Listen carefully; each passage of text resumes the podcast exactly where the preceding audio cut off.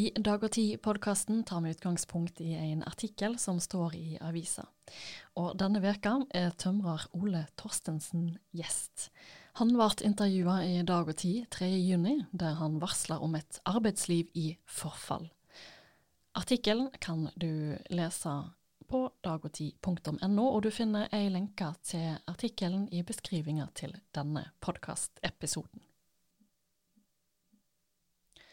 Velkommen, Ole Torstensen. Du er tømrer med eget firma, og for noen år tilbake så reiste du til Polen for å arbeide på byggeplass, slik mange fra Polen kommer til Norge for å jobbe.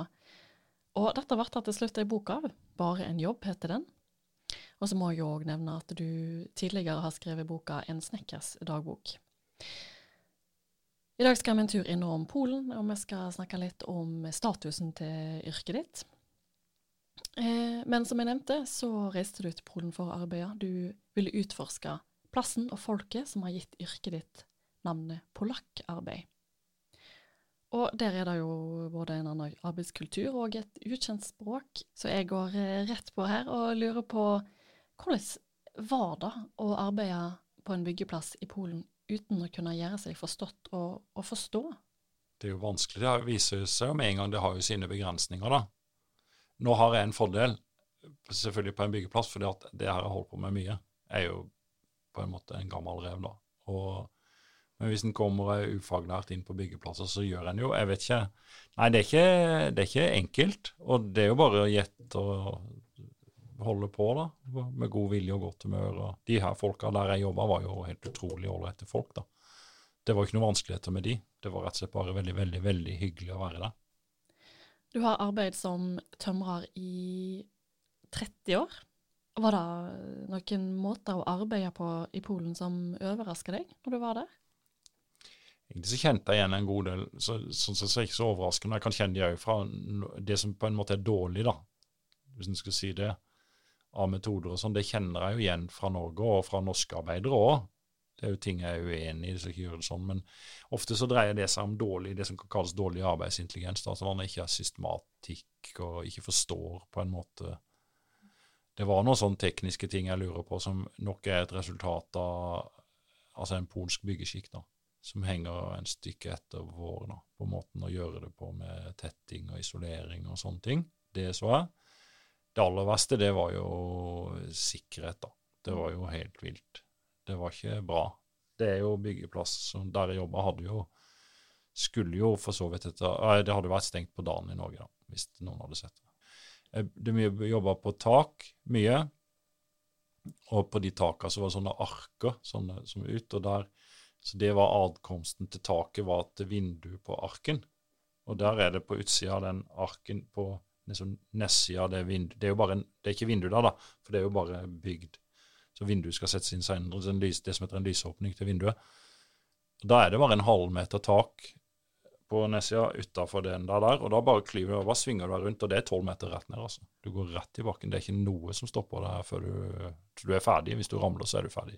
Og sånn jobber folk sånn systematisk til vanlig arbeidsdag. Da etter da. Ja.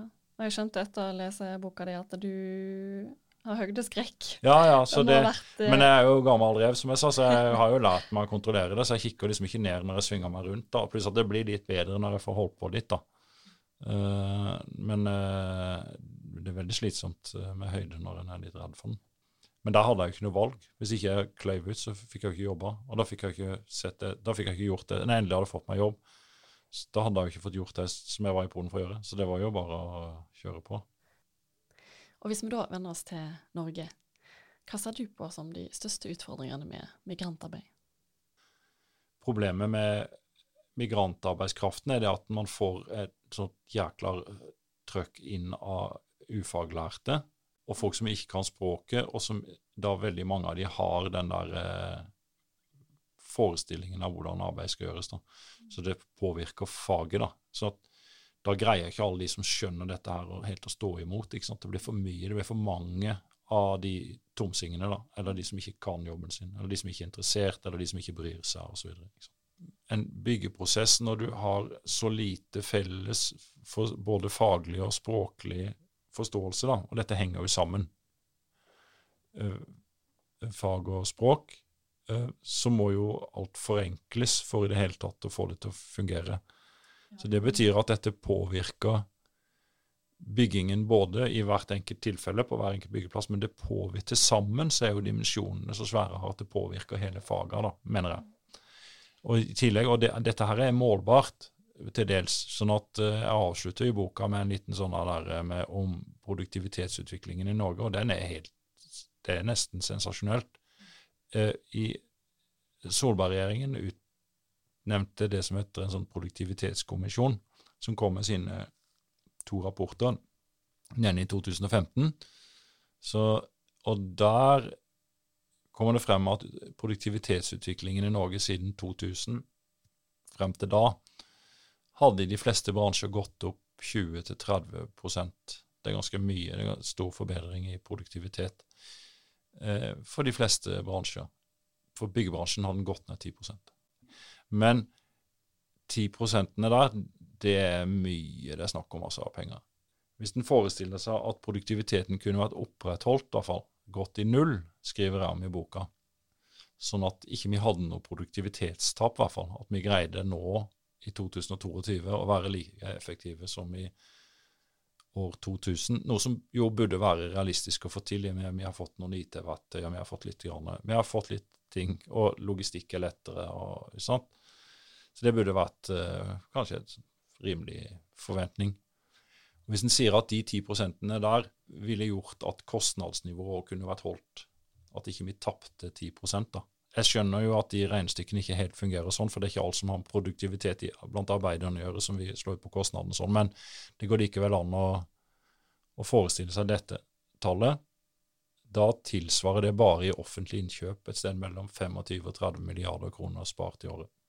Og det er mye penger, altså. Og hvis en skulle tatt hele byggebransjen under ett, så er det nesten hele oppdrettsindustrien i året. Det er 70-80 milliarder i året. Og dette her bare skjer, og jeg, det ikke jeg begriper, er Jeg skjønner jo at man har et behov for arbeidskraft, men man har òg oppi det hele latt liksom noen krefter eller noen aktører i byggebransjen få helt urimelig mye spillerom. Som om som om det liksom skulle være en trussel mot uh, det frie markedet og hva vet jeg, og ta litt grann, uh, rev i seila, som en sier på Sørlandet. Her. Men altså Det har man ikke gjort, men eh, da skjønner jeg ikke at ikke folk forstår hvilken pris en betaler. Det er enorme summer i sving her, og det, vi betaler mye for dette her, da. Før vi snakker litt mer om arbeidsliv, så har jeg lyst til å ta en liten tur innom noe som du er opptatt av, og da er statusen til yrket ditt. Um, for du skriver om at bl.a. håndverksarbeid er lågstatusyrke. På hvilken måte har du sjøl opplevd at ditt yrke ikke har blitt respektert eller satt pris på? Det, blir, det er jo mye vanskeligere å f.eks. nå rent konkret å drive et firma, og drive en jobb fordi For det første store deler av kundemassen er jo på en måte akademikere, eller akademikere som en sekkebetegnelse på en eller annen slags sånn mer teoretisk tilstand, da, hvis en kan kalle det det. Men de kundemassen er ofte det, den, middelklassen oppover, de kjøper tjenestene til sånne som meg. Og, eh, og de kjøper mer tjenester av meg enn klassene nedover, altså lavere fordi de har mer penger. Til tross for hva folk med høyere utdannelse tror, så lønner det seg jo å ta utdannelse her i landet. Men eh, Og en ser jo hvordan de oppfører seg da, det er, det er knalltøft å få de til å forstå på en måte min situasjon da, som en tjenesteyter eller eller det, det, er blitt mye vanskeligere å drive firma. Folk er så kranglete, og det har enormt store konsekvenser for meg og for folk som driver firmaer og ikke får betalt, f.eks. Hvis det mangler 250 000 plutselig, du skal betale regninger, så er jo det merker det. Og, og, de ser ikke konsekvensene. De tror at det er det, det er det, samme som å gå og kjøpe seg et eller annet på butikken. Men har noen konkrete eksempel? Som... Ja, det har jeg, men det vil jeg ikke snakke om. Nei. Nei. Eh, ikke, det, det, blir nesten som å snakke om folk. Som... men har det alltid vært sånn? helt siden Det har det helt sikkert vært at folk eh, Men men uh, det blir nok verre, og hvis en spør folk som har holdt på en stund, så vil de veldig mange være enige med meg i det, tror jeg. Uh, men nå så ser en jo den mangelen på så konkret på for meg, jeg vet ikke Jeg ser det jo rundt meg med folk jeg kjenner, og hvordan det er. En kan se det på hvor for, fort folk kan miste interessen for, uh, for en. En tømrer er litt annerledes. Vi er ikke verst stilt, altså. Det er et eller annet. Hvem er det som er verst stilt, da? Ja, Da, da må man være renholder eller et eller annet. Mm. Sånn nedover De bare forsvinner. De, de blir ikke, de folk får ikke øye på det engang hvis de har høyere utdannelse. Vet nesten, ser nesten ikke at de eksisterer i selskapelighet, nesten. Det er helt påfallende å se hvordan det fungerer. Det er så lite nysgjerrighet. Det, Så hvis folk har høyere utdannelse, så ser de ikke renholdet? nei, jeg tror det er veldig store skiller mellom folk. En test jeg har gjort på, som jeg har gjort ganske mye i, sånn innimellom, eller av og til, da, ble det jo, men i, over lang tid. Og med etter hvert ganske mange mennesker som er mer håper å si, lavstatus og manuelle. Så hvis en får som varmer det litt opp i en samtale Det, det har skjedd i butikk. Eksempel kan være jeg handler med noen, og så står jeg og snakker med de som driver, jobber ved kassa osv. Litt god tid. Så snakker vi om åssen det er å jobbe, og, fordi det er, en, det er, en, måte jeg driver en slags research på. da. Og så, så sier jeg ja, men de, de tror jo vi er idioter, sier jeg. Plutselig. sånn. De skjønner med en gang hva jeg mener. Skjønner du hva jeg mener med det? de, de, som har mye utdannelse, de som er høyere oppe, de tror vi er idioter. Og de skjønner det med en gang. Det er ikke noe, det, det har ikke opplevd én gang at ikke den personen jeg står overfor, bare tar den der med en gang. Sånn. Så jeg skjønner ikke helt hvor du har det fra at, at det med høyere utdanning. Det, det er samme, kanskje jeg tar feil. Kanskje vi alle tar feil, da. Kanskje alle de jeg snakker med, tar feil, da. Men det er uansett eh, en interessant problemstilling at min påstand da er at store deler av befolkninga går og tror at den andre delen av befolkninga, den øvre delen av befolkninga, tror de er idioter. Det, jo, det, er jo et eller annet som ikke stemmer med et slags sånn idealbilde for et egalitært samfunn.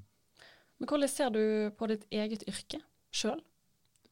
Det har jo blitt behandla veldig dårlig. Selvfølgelig. Altså alt som har med praktisk arbeid, alt som har med lavstatusarbeid, har jo sunket på et eller annet vis i anseelse i samfunnet her. Det er veldig mye klapping fra balkonger som skal til for å rette opp det de har holdt på med de siste 20-30 årene. Vil du si at arbeiderne har noe av skylda sjøl for at ikke de har blitt sett, eller blir sett? Tja, hva da? De kunne snakka mer. Jeg vet ikke. Det, det er jo sånn at det er ikke noe merkelig at noen blir sett mer enn andre i samfunnet. Det handler jo om tilgjengelighet da, på ropet eh, i en eller annen form.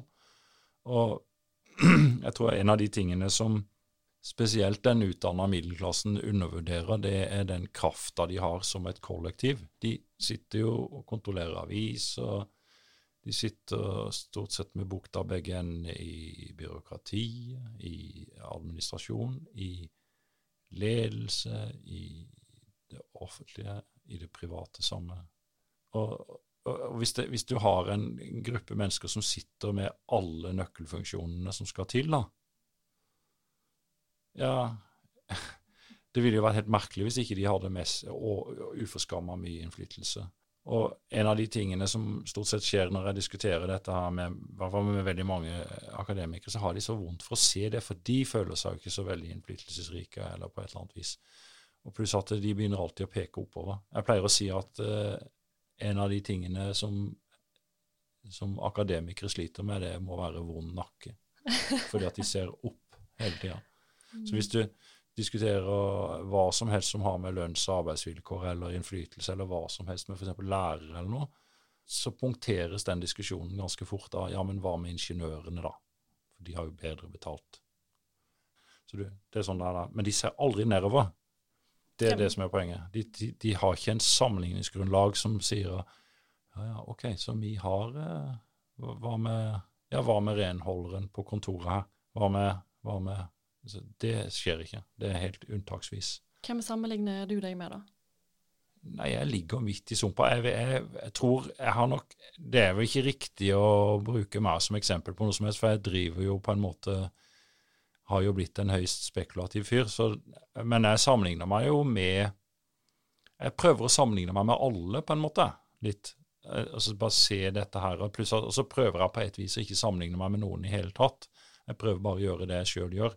Det er ikke synd på meg, greier meg, men jeg har ganske stor sympati, for jeg kjenner jeg ble, kan bli ganske oppgitt og, og forbanna når jeg hører hva at uh, ufaglærte i jordbruket tjener rett over 130 kroner timen i, som tariff. Og så lurer jeg på hvorfor ikke det er nok til å ta hånd om gardsbruka i Norge. Ja, det, er jo, det er jo selvfølgelig har jo noe med det her å gjøre f.eks. Eller renholdere eller servitører eller alle mulige sånne folk som holder på, eller folk eh, som sitter i kassa på Rema osv. Alt dette her, er jobber som er helt nødvendig for at samfunnet skal gå videre. Og så mangler vi folk til å gjøre det, og så er de på et eller annet vis så har man fått til noen markedsmekanismer som gjør at de likevel er veldig dårlig betalte jobber. Det, er veldig merkelig, dette. Det, det, det går ikke i hop som et regnestykke. Er det ikke greit at uh, det kommer utenlandske arbeidere til Norge og tar de jobbene som nordmenn ikke ønsker å ha? Eh, det er ikke sånn at ikke nordmenn har villet ha disse jobbene. Det er masse nordmenn som er skvisa ut, som er utkonkurrert. Man snakker jo heller ikke om det. At uh, en god del av de folka som kunne vært i disse jobbene, de er jo ikke der nå, fordi de, det kom Hvis du har en person som kanskje ikke er sånn 100 tipp topp blir jo fort utkonkurrert av det at det kommer en kraftig kar på 35 år som er villig til å jobbe 60 timer i uka. Du har ikke sjans, du taper jo den konkurransen.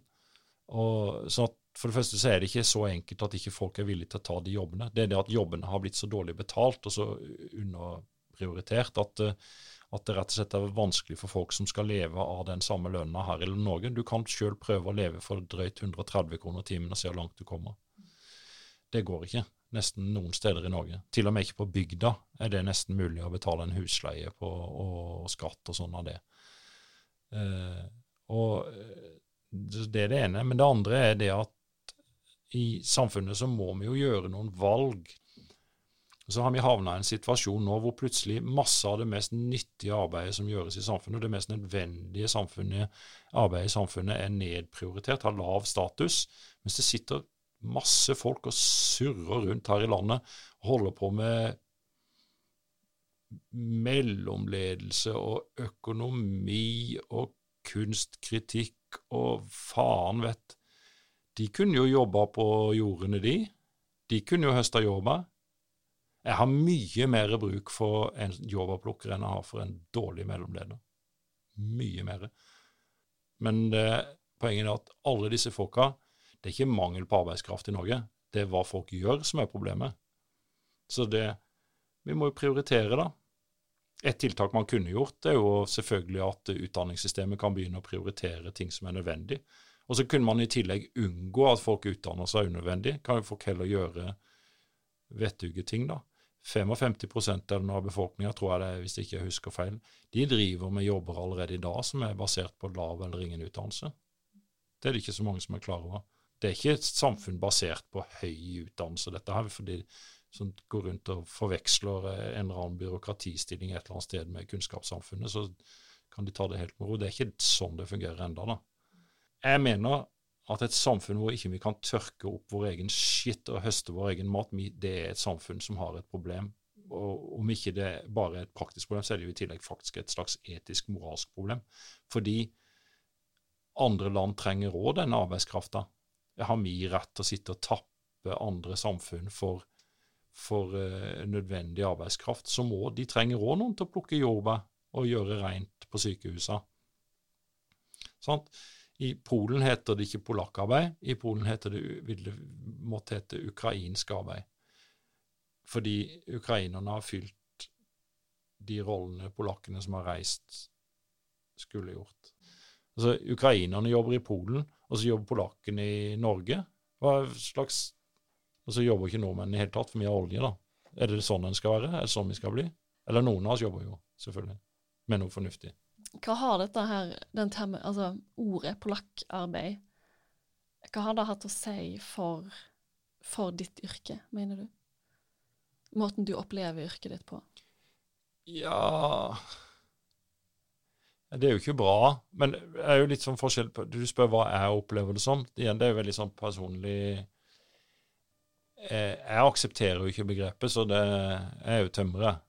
Jeg finner meg jo Jeg på en måte lever med begrepet som en sånn ting som er utenfor meg sjøl, som ikke jeg har tatt til meg og anamma meg. Men at, uh, at, det har noe å si for samfunnsmessig, det hadde jo når ungdommen kaller yrkesfag for polakklinja osv. Det er jo ikke noe bra, det. Ikke sant? Det er jo ikke bra, det. Kan jo ingen komme påstå. Så det Eller noen kan sikkert komme påstå det, da. Men uh, et av problemene her hele veien er jo det at uh, dette, denne situasjonen som har vært, har gitt store deler av befolkninga billige tjenester. De har jo tjent på det. Så det er jo liksom hele veien så handler det jo litt om det. En kan innvende at alle har tjent på det, men de som Altså, det er billig for samfunnet å få billig arbeidskraft og sånn, men hvis f.eks. det her med produktivitet og alt sammen, da Hvis det stemmer de der påstandene jeg kommer med, så, så har det jo veldig alvorlige konsekvenser, dette her. For alle. Hele samfunnet. Eh, en av de tingene jeg prøver på i ting jeg påstår, f.eks. sånn som det der med produktivitet og sånn, det er at det skal være etterprøvbart. da. Det skal være ganske sånn eh, oppriktig eller åpent, påstandene jeg kommer med. Selv om det er sånn mye anekdotebasert og personlig, sånn, så prøver jeg å få til det litt iallfall på de viktigste tingene, sånn at folk kan sjøl tenke gjennom dette og vurdere litt hva det er de sjøl syns om det. da, og gjøre seg opp en mening. Jeg syns det er helt utrolig at ikke det er mer fokus på det uh, enn det egentlig er. Og det, at det fokuset ikke er tydeligere på f.eks. det som har med fagkunnskap og kunnskap og ja, produktivitet og sånne ting. da. Hvor, hvorfor var det man, hvor, var, var det man gikk bort ifra en sånn ideale for hvordan vi skulle bygge samfunnet. Så det, dette fungerer jo. Det er jo det som har vært litt av grunnen til at man har hatt den nordiske modellen og fått det der samarbeidet mellom arbeidsgiver, arbeidstaker og politikere, det er jo det at alle så at det fungerte så godt. Og så plutselig så, så er det som om man har funnet ut at vi ikke skal snakke om det. Hva som, at dette fungerer, og dette kan vi gjøre sånn og sånn og sånn, og så skal en bare liksom la det skli ut i ingenting. Og så blir det bare rot og tull og dårlig bygging og dyrt og veldig, veldig utrivelig målet hele veien er jo selvfølgelig til syvende og sist trivelige, gode samfunn å bo i, da.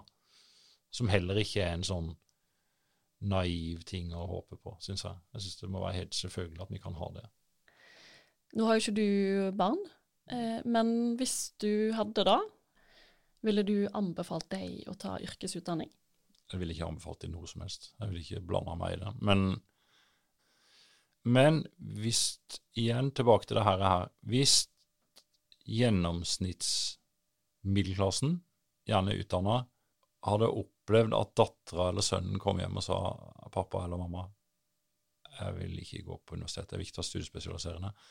Jeg vil, ikke noe, jeg vil bare jobbe på Rema. Jeg vil bare sitte i kassa. Jeg, orker ikke, jeg gidder ikke. Jeg er fornøyd med det. Det er bra for meg. Det er bra nok for mitt hue. Bra nok for mitt liv. Det ville vært en skammelig opplevelse for foreldrene. Det ville vært noe de ville hatt, for da må du forestille deg at den samme foreldren skulle stå i selskapet med alle de andre utdanna middelklassevennene sine, for det er jo bare det de har som venner, stort sett. Selvfølgelig, fordi de, folk omgås jo ikke på tvers av de linjene, stort sett her i landet. Så på lørdagen etter, da, og så spør uh, Petter Kari hva skal lille Ole gjøre, da? Nei, han skal bare sitte i kassa på Rema. Ville ikke sagt det med sånn glad, opplagt stemme. Det ville, det vært en helt forferdelig situasjon for de fleste å havne i, og skulle forklare for sine venner at ungene ikke ville noe som helst som hadde noe med noe akademisk eller noe høyere ambisjoner å gjøre. Helt annet. For de fleste så vil det være veldig vanskelig å takle, tror jeg. Til syvende og sist så handler jo mye av dette her om sunt bondevett og næringsvett. Det lønner seg jo. Og follow the status, så, så finner du pengene, ikke sant. Det er jo òg et svært skille her eh, da, som er viktig, fordi det er et skille mellom by og bygd. Så i det øyeblikket du kommer deg ut av byene, så opphører en del av dette her litt. Eller det blir mye snillere og mildere versjoner av det, og det er mye vanligere og mye mer naturlig å skulle f.eks. ta det som i byene vil være lavstatusyrker. Eh, jeg vet ikke helt hvor mange som går på byggfag i f.eks. Bærum kommune, men det er så få at uh, du får ikke bygd noe av det, altså. Det er veldig få. Så Store deler av Bærum, Oslo, Bergen, Trondheim, alle byene, Stavanger, det er jo bygd og holdt i gang av folk som kommer fra, ikke fra byen, da, byene har mye å takke bygda for. Uten bygda så stopper jo, stopper jo byene. Vi skal begynne å runde av. Til slutt så, så lurer jeg på om du har, noe, om du har gjort deg noen tanker om hva løsninger som finnes? Hvordan kan ditt yrke bli bedre, og kanskje òg få bedre status? Ja, jeg, er jo ikke, er jo ikke opptatt bare av byggebransjen, bare har sagt det. det er ikke, byggebransjen er ikke noe mer viktig for meg enn mye annet. Jeg er minst like opptatt av at jordbruk skal fungere godt, eller alle mulige lavstatusyrker. egentlig Alt som skal gjøres. Jeg vil gjerne at sykehuset er rent når jeg kommer dit. At det er godt vaska og sånn. Så jeg er ikke noe mindre opptatt av det. Men jeg tar utgangspunkt i byggebransjen fordi det er den jeg kjenner. Nei, det er normale arbeidsforhold. Vi må, vi må gjøre mer av det vi har gjort før. Vi må bare ha skikkelige arbeidsforhold og god opplæring og trygge ansatte og, og sånne ting. Det er det, det, det er det viktigste vi kan gjøre. Og det lønner seg. Det har lønt seg. Det er liksom det er det som hever Skandinavia opp, f.eks. veldig. Det viktigste enkeltgrunnen handler om dette. Den absolutt viktigste enkeltgrunnen er et godt arbeidsliv. Ole Torstensen, tusen takk for at du var med i studio her i dag. Ja, takk for at jeg fikk komme. Veldig hyggelig. Du lytter til Dag og Tid-podkasten. I studio var jeg Sofie Mai Rånes. Har du tilbakemeldinger på podkasten vår, så send gjerne en e-post til sofie.krøllalfa.dagogti.no. Takk for at du lytta.